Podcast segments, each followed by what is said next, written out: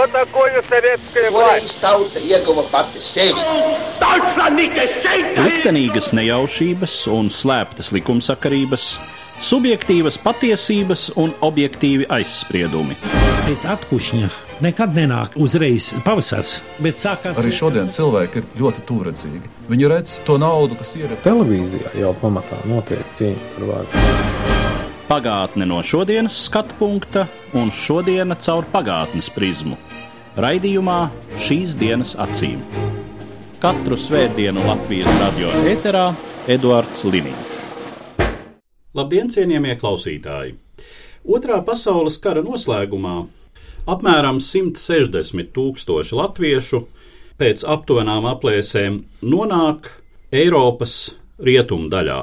Tie ir latviešu bēgļi, kas vēlāk izveido latviešu trimdu rietumos periodā pēc Otrā pasaules kara.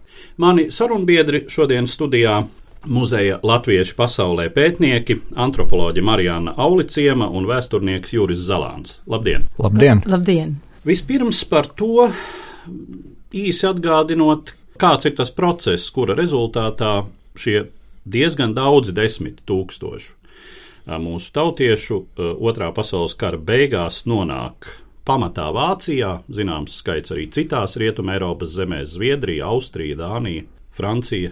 Mēs esam diezgan daudz arī tādus cilvēku atmiņu stāstus ierakstījuši, un pamatā jau tur uh, dominē viens motīvs, ka tā bija vēlme izvairīties no padomu režīma, jo tas galvenais motīvs bija padomu okupācijas pirmie gadi.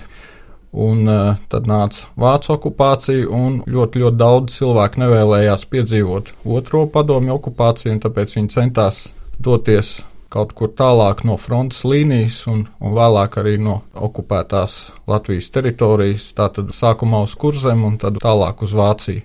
Vai arī no Rīgas devās daudz arī ar kuģiem uz Vāciju. Mēs zinām, ka Otrā pasaules kara gaitā, nu, nacistu okupācijas režīma darbības rezultātā, bija cilvēki, kas nonāca Vācijā arī pret savu gribu. Protams. Darba dienestā mobilizētie, protams, latviešu leģionāri, pamatā 15. divīzija, citās Wehrmachta vienībās dienošie latvieši, kādu arī bija nemazums. Apmēram kāda ir tā proporcija? Cilvēki, kas tur nonāk mērķtiecīgi, bēgot no padomju režīma, un tie, kuri tur nonāk vairāk vai mazāk pret savu gribu. Godīgi sakot, es tagad neatceros, ka es būtu lasījis kaut kādu tādu veidu pētījumu, bet es domāju, ka daudzos gadījumos ir samērā grūti nošķirt vispār, vai tu tā ļoti apzināti devies projām, vai tas bija spontāns lēmums. Daudziem tas tiešām bija ļoti spontāns lēmums. Mums ir uh, tādi stāsti, kur cilvēks uh, izlēma burtiski 15 minūtēs. Un uh, es domāju, ka ja mēs runājam par tiem civilajiem bēgļiem, tad varbūt ļoti liela daļa atradās tajā pelēkajā zonā starp to ļoti, ļoti apzināto lēmumu un, teiksim, nejaušo vai piespiedu aizbraukšanu. Protams, ja mēs runājam par bērniem, ja, tad praktiski visi bērni nokļuva teiksim, Vācijas nometnēs, tāpēc, ka viņu vecāki devās projām. Tur nebija izvēles vienkārši. Tāpat bieži vien veci cilvēki palika Latvijā, jo viņi saprata, ka viņi arī var šīs bēgļu gaitas neizdzīvot. Viņi saprata, ka viņi būs liels apgrūtinājums tuviniekiem, un tad viņi nolēma palikt. Un vēl viens apstākļus ir tas, ka sākumā jau nebija trimdi, sākumā tomēr bija bēgļi. Trimdi izveidojās pēc tam, jo bēgļi devās prom, lai atgrieztos. Un liela daļa no latviešiem neapzinājās, ka viņi dodas prom uz visu mūžu. Viņi devās prom uz kādu laiku, kamēr beidzās karš, kamēr atkal tiek atjaunota teiksim, Latvijas neatkarība, un tad viņi varēs doties atpakaļ. Lielākā daļa neapzinājās, uz cik ilgu laiku un, uh, viņi pamet Latviju, un ka šī Latvijas pamešana daudziem ir uz visiem laikiem. Jā, es domāju, ka tās pelēkās zonas apzināšanās ir eh, diezgan būtiska. Jo saistot arī ar šodienu, kad eh, nepieciešamība izprast eh, bēgļa, tāda vai citāda bēgļa situāciju mums ir ļoti aktualizējusies. Saprast to, ka ļoti lielā mērā tā ir nejaušība, kas cilvēku aizrauja līdzi šādās sociāla, politiska sajukuma, nestabilitātes, kara situācijās kāda bija šīs bēgļu eh, masas struktūra. Tas populārais priekšstats ir, ka Latviju pameta pirmām kārtām elite un situētāki cilvēki, kuriem varbūt bija lielāks pamats bažīties par savu likteni padomju okupācijas apstākļos. Domāju, ka tur ir liela daļa taisnības, jo, teiksim, Latvijas republikas 30. gadu elite bija tā, kas tika pirmām kārtām pakļaut vajāšanām. Un, protams, pēc 41. gada nevienam nebija ne mazāko ilūziju, ka tas tā arī būs 45. gadā un pārējos okupācijas gados. Tā kā tā ir savā ziņā taisnība, bet tai pašā laikā bija pietiekami daudz arī vienkāršu strādnieku, laucinieku, ģimenes, kas devās prom, jo viņi arī bažījās par savu nākotni. Viņi saprata, ka arī viņi var tikt pakļaut represijām, un viņiem nebija pieņemams, teiksim, padomu režīmu otrreizēja atnākšana. Proporcionāli droši vien, ka mēs varētu teikt, ka elite un jo sevišķi, teiksim, intelektuāļi, tā skaitā skolotāji, mākslinieki, bija vairāk nekā, ja mēs ņemtu tādu caurmēru Latvijas sabiedrības vidējot. Bet, protams, ka tur atkal bija dažādi apstākļi, jo bieži vien arī lauciniekiem bija grūtāk varbūt atstāt visu savu īpašumu un kur tu savus gotiņus liks. Tie motīvi tur bija dažādi. Kāda tad ir tā situācija, kurā šie cilvēki nonāk pēc tam, kad Vācija ir kapitulējusi, ka tā ir sadalīta okupācijas zonās, kādu laiku tātad tas ir tīrs okupācijas režīms. Mēs šeit runājam pamatā tātad par Vācijas rietumdaļu, jo, protams, no padomju okupācijas zonas, cik es saprotu, šie cilvēki vairāk vai mazāk piespiedu kārtā tika nogādāti atpakaļ padomju teritorijā, un tad, nu, atkarībā no tā, cik liels bija iestāžu aizdomu līmenis par šo cilvēku darbību kara laikā, filtrācijas nometne vai kā Jā. savādāk. Pirmkārt, kara beigās bija tāds vairāku mēnešu vai varbūt pat pusgadu ilgs tāds posms, kad cilvēki vispār reizēm nesaprata, kurā pusē viņi ir, vai viņi ir, teiksim, padomi iespējamā teritorijā vai rietumu, un tad ir ļoti daudz stāsti, kur cilvēki pēdējā brīdī mēģina izvairīties no palikšanas padomi okupācijas uh, zonā. Un ir ļoti dramatiski dažādi stāsti, kā cilvēki mēģināja izkļūt kopā ar savām ģimenēm uz rietumiem. Un tas ir arī apliecinājums tam, ka latvieši ļoti labi zināja, kas viņus sagaida, un iespējams pat tie, kas Vācijā bija nokļuvuši kaut kādā veidā nejauši, tomēr uh, mēģināja tikt uh, tālāk uz rietumiem. Tālāk lielais vairums nokļuva bēgļu nometnēs, kopskaitā bija apmēram 300, tātad ļoti liels skaits gan uh, angļu, gan amerikāņu, gan franču okupācijas zonās. Un ir raksturīgi arī tas, ka sākumā šīs nometnes bija mazākas. Pēc tam laika gaitā tās tika apvienotas, un tad cilvēki faktiski tika pārcelti no vienas nometnes uz otru. Jā, tā tad viņi būtībā dzīvoja uz koferiem.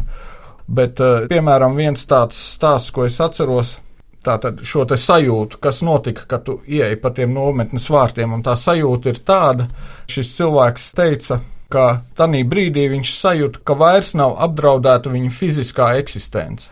Nu, un tad pēc tam jau tālāk sekoja tas pārējais, tad, kad tu esi savu teiksim, kailo dzīvību izglābis, nu, tad ir nākamais jautājums, kā dzīvot tālāk.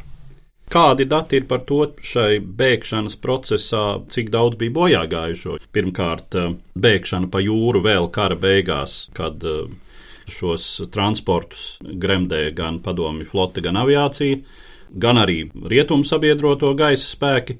Tad ir Vācijas bombardēšana vēl pēdējos kara mēnešos, un droši vien arī tas, ko jūs jau minējāt, ka arī izdzīvošana tūlīt pēc kara Vācijā varēja būt problēma kaut vai pārtikas trūkuma dēļ. Jā, nu tīri skaitliski, es godīgi sakot, nevaru pateikt tieši, cik daudz tie bēgļi ir gājuši bojā, jā, jo runājot par tiem cipariem, kara gados ir ļoti grūti teiksim, uzskaitīt konkrēti, cik un kādi cilvēki uz kuru vietu pārvietojās, jo šie maršruti bija, bija reizēm pilnīgi traki, tur pa visu Vāciju, turp atpakaļ. Cilvēki centās sameklēt savus tuviniekus, sievas vīrus, un tas viss notika ļoti bieži vien eh, haotiski. To ir ļoti grūti kaut kā saskaitīt. Bet tā ir pilnīgi taisnība. Es domāju, ka tūkstošiem bēgļu vienkārši gāja bojā. Mums ir zināms šie gadījumi, kad kuģi nogrima. Un mums ir zināms šie bombardēšanas gadījumi. Tā skaitā Dresdenē gāja bojā ļoti daudz latviešu neapšaubām.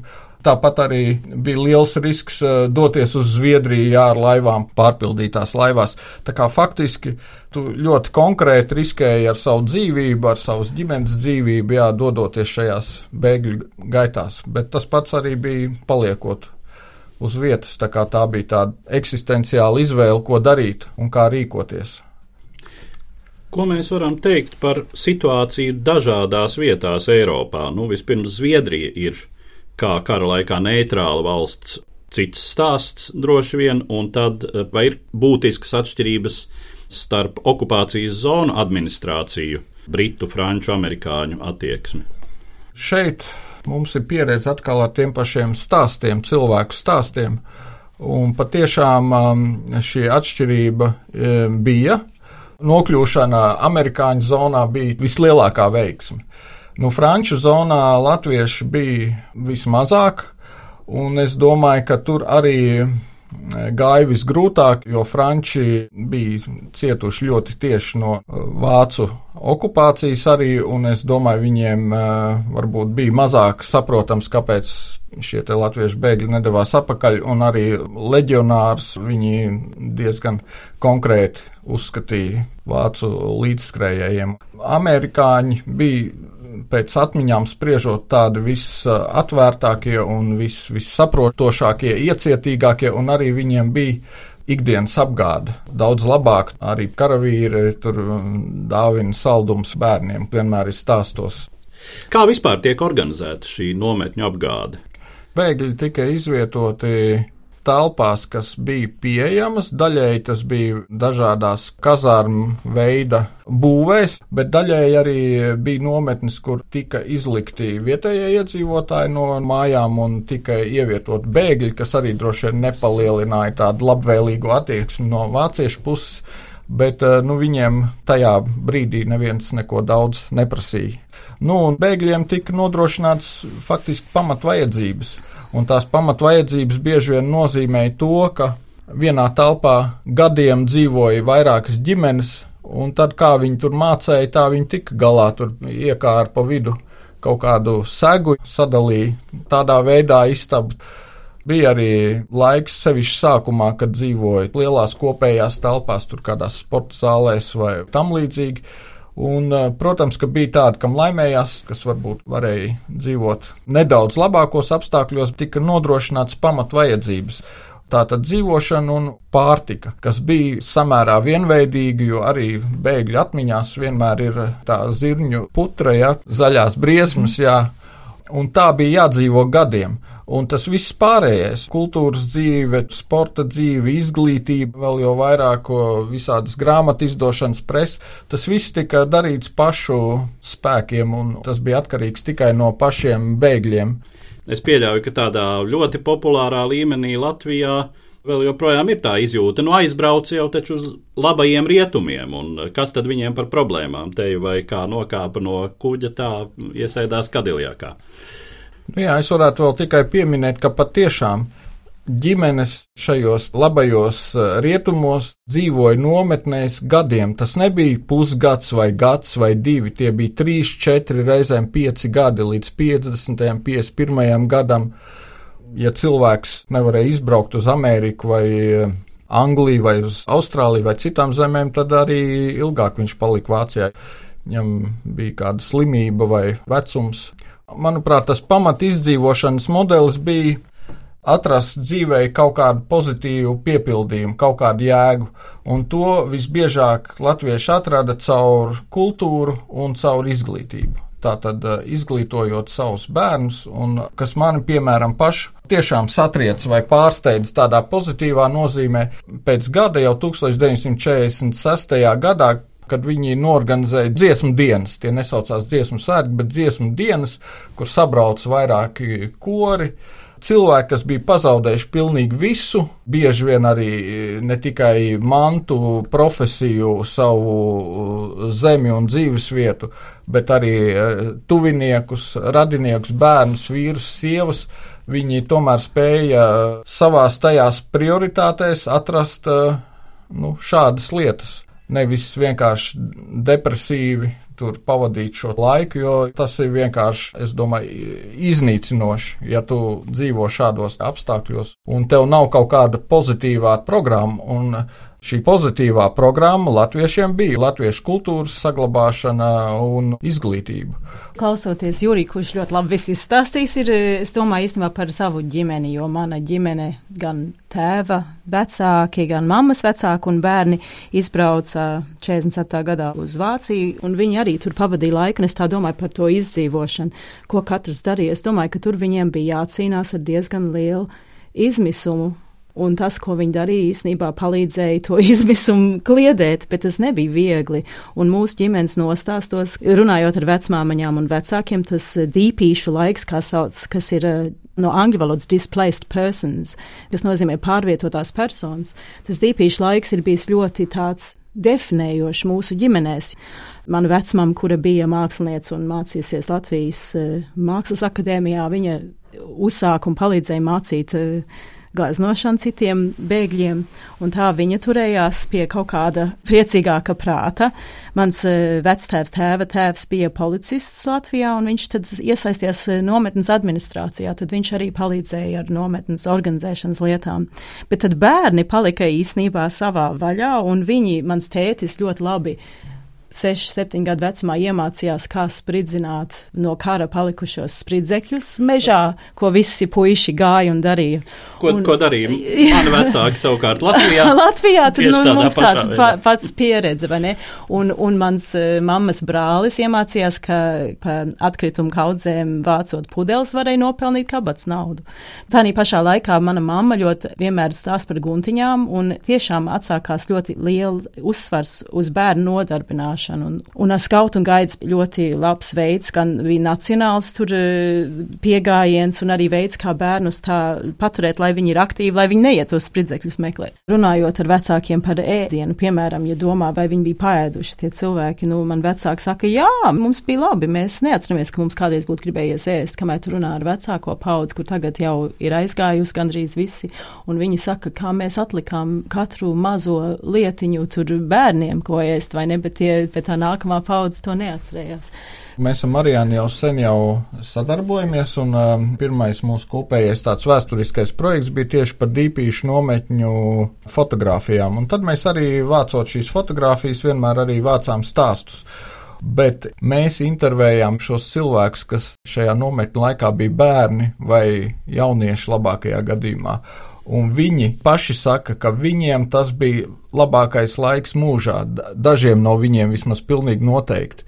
Tur bija draugi. Blakus barakā bija, bija viens bariņš, otrā barakā otrs. Tu izgāji ārā, tev bija draugi, tu varēji piedalīties visādās aktivitātēs, sports. Bet uh, mēs jau vairs netiekam klāt pie šīs vecākās paudzes, kas visu to iznesa, kas bija atbildīgi par šiem bērniem. Un, eh, ja mēs iedomājamies, ka ģimene dzīvo gadiem bez darba, pamat apgādes līmenī, kur tu vienkārši domā, ko es šodien iedošu ģimenei ēst, un tas ir viss, ko tu vari izdarīt. Tāpat tur bija eh, pēc kara pietiekami daudz kara invalīdu, ja, veterāni, tātad karavīri ar traumētu dvēseli, bija alkohola problēmas bet uh, par to mēs bieži vien uh, tādā tiešā tekstā mums nav šīs liecības. Tad, kad mēs domājam un uh, rakstam vai runājam par šīm nometnēm, mums jānovērtē šī vecākās paudzes, pirmās bēgļu paudzes spēks un varēšana izdzīvot šajos apstākļos, kas bieži vien bija briesmīgi. Tur bija šķirtas ģimenes, jā, sievas, kas palikušas varbūt Latvijā, vai vīri, kas ir eh, pazuduši karā, un cilvēkiem bija tas jāpārvar, un tas bija ļoti traumatiski daudziem. Bet visas šīs traumas varēja pārvarēt tieši ar šo radošo, kultūras, izglītojošo darbu.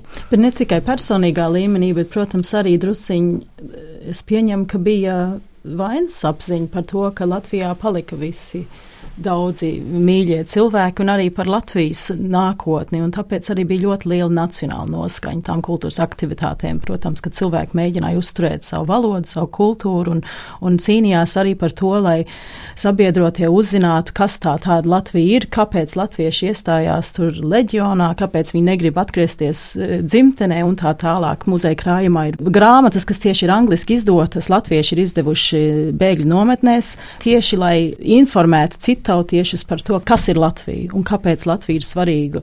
Tā nacionālā audzināšanas dēļ, kas notika tanīs nometnēs, arī tāpēc tās trimdas sabiedrības pēc tam bija tik stipras, jo viņi pieņēma tādu ļoti stingru latviešu nacionālu stāju un uzturēja savu kultūru un valodu. Šodien, ja, ja bēgļi tā darītu nometnēs, es nezinu, cik priecīgi būtu citas valsts. Te mēs varētu tādu interesantu paralēli vilkt. Ja mēs šodien jautātu latvietim un kazī arī jebkuram citam eiropietim, ko viņš domā par to, ka bēgļi grib saglabāt savu identitāti. Tad visdrīzāk tas būtu absolūti negatīvs vērtējums, jā, ka viņi negrib integrēties. Bet uh, tas aspekts, protams, ir Latvijas vēstures kontekstā ļoti nopietns, jo, ja mēs tā domājam par izjūtu nometnēs, tā izjūta jau sevišķi pirmajos pēckara gados uh, līdz Staļina nāvei varēja būt tāda, ka vispār jau nav zināms, vai būs kaut kāda Latvija, uz kur atgriezties. Mēs atceramies, piemēram, veselu tautu deportācijas Padomju Savienības vēsturē tieši Otrā pasaules kara beigu posmā var pieņemt, ka daudziem bija šīs bailes, ka arī latviešus varētu masveidā izvest no Latvijas. Cerība, ka varētu atjaunoties Latvijas neatkarība, jau arī pēc Staļina nāves, manuprāt, daudziem nebija. Es nezinu, kā Marijanai, kurā laikā tu iedomājies, ka Latvija tiešām varētu atgūt neatkarību? Mm. Es runāju latviešu mājās, Austrālijā, un man bija runā latviešu, runā latviešu dēļ tā, ka Latvijā latviešu, vismaz man tā tas tika pasniegts, ka Latvijā latviešu valoda un kultūra ir ļoti apdraudēta, un mēs varētu būt tā pēdējā saliņa, kas to visu turpina. Bet tev neteica, ka tu kādreiz brauks atpakaļ uz Latviju? Man, jā, man teica, ka Latvija būs brīva, mēs brauksim mājās. Nu, tā izjūta, manuprāt, arī bija ar tādiem zināmiem viļņiem, kas arī saistījās ar visu vēstures procesu Jā. un augstā kara situāciju. Kā pirmajos pēckara gados uh, bija šīs cerības, kas bija daudziem arī Latvijā, ka sāksies liels konflikts starp rietumu sabiedrotajiem un padomju savienību, un tad mūs atbrīvos briti un amerikāņi. Nu, ar ko daudz latviešu meža brāļi dzīvoja gadiem mežā ar domu, ka tūlīt nāks briti un amerikāņi kas līdz ar 50. gadiem un situācijas vispārēju stabilizāciju šeit kļūst skaidrs, ka nekas tāds nenotiks. Sevišķi pēc 56. gada pēc Ungārijas. Manuprāt, ļoti daudziem kļūst skaidrs, ka rietumu lielvalsts nav gatavas iesaistīties plašā konfliktā ar Padomju Savienību, jebkuras austrumu Eiropas valsts vai nācijas brīvības un demokratizācijas dēļ. Jā, tā ir pilnīgi taisnība, ka notika zināma attīstība, jo ne jau tikai meža brāļi e, gaidīja karu. Es esmu lasījis dienas grāmatas, kur tiešām rakstīts, ka es ceru, kad sāksies trešais pasaules karš. Cilvēki gaidīja trešo pasaules karu. Lai cik šausmīgi tas Lai cik šausmīgi tas uh, neizklausītos, jā, bet viņus var pilnībā saprast. Un var saprast arī viņu, teiksim, tādu apmulsumu, ka Nu, kā lielvalstis var neredzēt šādu netaisnību? Pēc tam, protams, šīs cerības neattaisnojās, ka ar bruņotu konflikta teiksim, rezultātā kaut kas varētu tikt atrisināts. Un tad es domāju, latvieši arvien vairāk un vairāk iesaistījās tādā institucionālā politiskā darbībā. Tas arī jau sākās kara laikā, pēc tam jau uh, bēgļu nometnēs, un pēc tam jau savās mītņu zemēs, uh, Anglijā, uh, Amerikā, Austrālijā.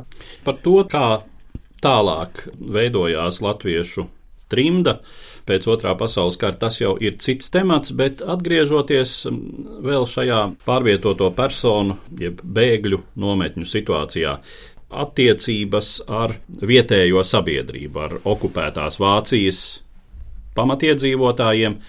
Un runājot par to, kāda ir vietējās sabiedrības uztvere un kāda ir okupācijas administrācijas iestāžu uztvere, kādi ir tie izplatītākie aizspriedumi pret šiem latviešu, nu un vispār, teiksim, austrumu Eiropas bēgļiem okupācijas zonās sadalītajā Vācijas rietumdaļā.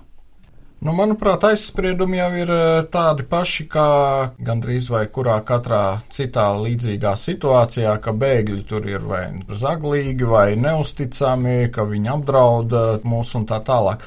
Bet uh, es esmu arī runājis ar latviešu bēgļiem, kuri ir teikuši, nu jā, mēs jau, protams, bijām strādīgi un čakli un kārtīgi, bet nu tie poļi, tie, tie gan bija tur taisīja visādas nepatikšanas.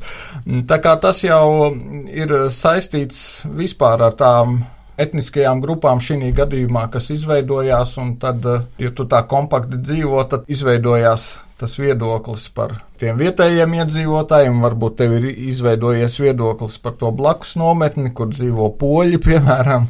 Bet vismaz man nav nācies saskarties ar tādām atmiņām, ka tas būtu nonācis līdz tādiem nopietniem konfliktiem vai vardarbībai, ka būtu vietējie iedzīvotāji protestējuši. Protams, tā bija šī okupācijas situācija savā ziņā, bet nu tomēr Līdz tādiem nopietniem konfliktiem tas nenonāca, un varbūt bija tā spriedze, bet tas negāja tālāk uz kaut kādu kaitniecisku darbību no abām pusēm.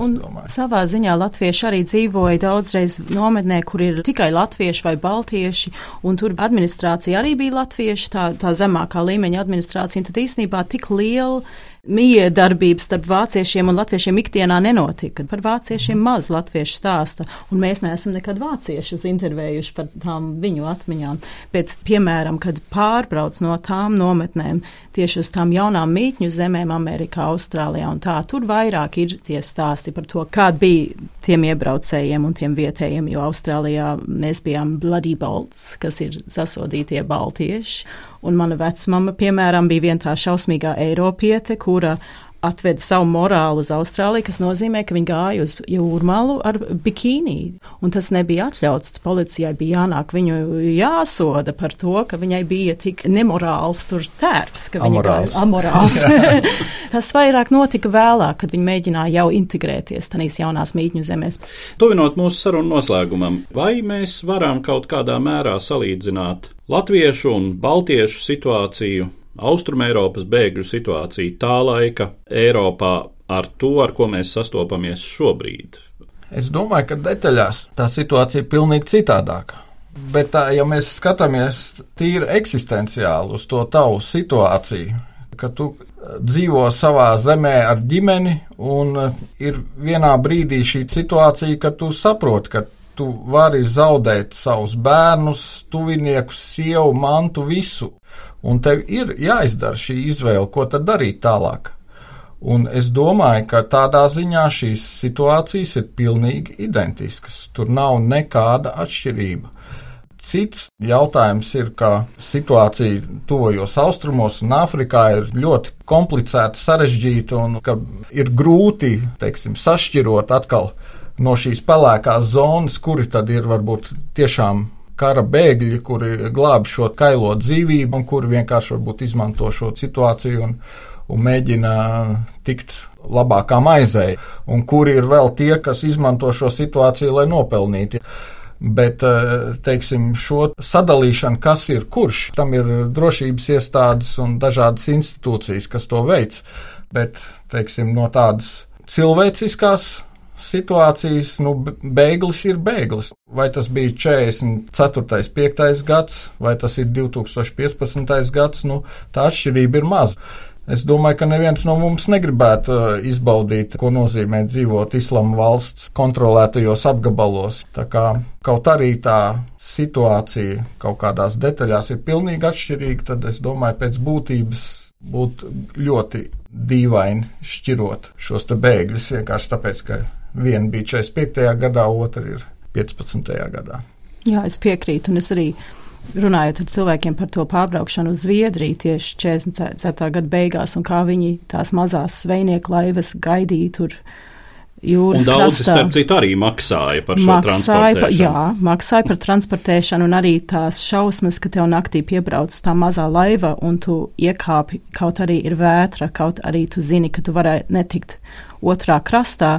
Es domāju, tās šausmas un tās bailes ir droši vien diezgan līdzīgas tiem cilvēkiem, kas tagad kāpj Es nesen izlasīju vienu citātu, kas teica, ka tu neiekāps tādā laivā ar savu bērnu, ja tev nav pārliecība, ka tas ūdens tajā brīdī ir drošāks nekā tā zeme, uz kuras tu stāvi.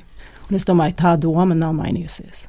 Jā, es domāju, ka šo frāzi, kad ūdens ir drošāks nekā zeme, to mums vajadzētu paturēt prātā allaž, kad mēs arī šodien spriežam par tiem, kuriem tādu vai citādu iemeslu dēļ ir nācies pamest dzimteni Ar tādu domu mēs varētu arī noslēgt mūsu šodienas sarunu, kas bija veltīta latviešu bēgļu nometnēm Vācijā pēc otrā pasaules kara, un es saku paldies maniem sarunbiedriem, muzeja latviešu pasaulē pētniekiem Marijannai Auliciemai un Jurim Zalānam. Paldies! Paldies! Katru svētdienu Latvijas radio viens par pagātni sarunājas Eduards Liniņš.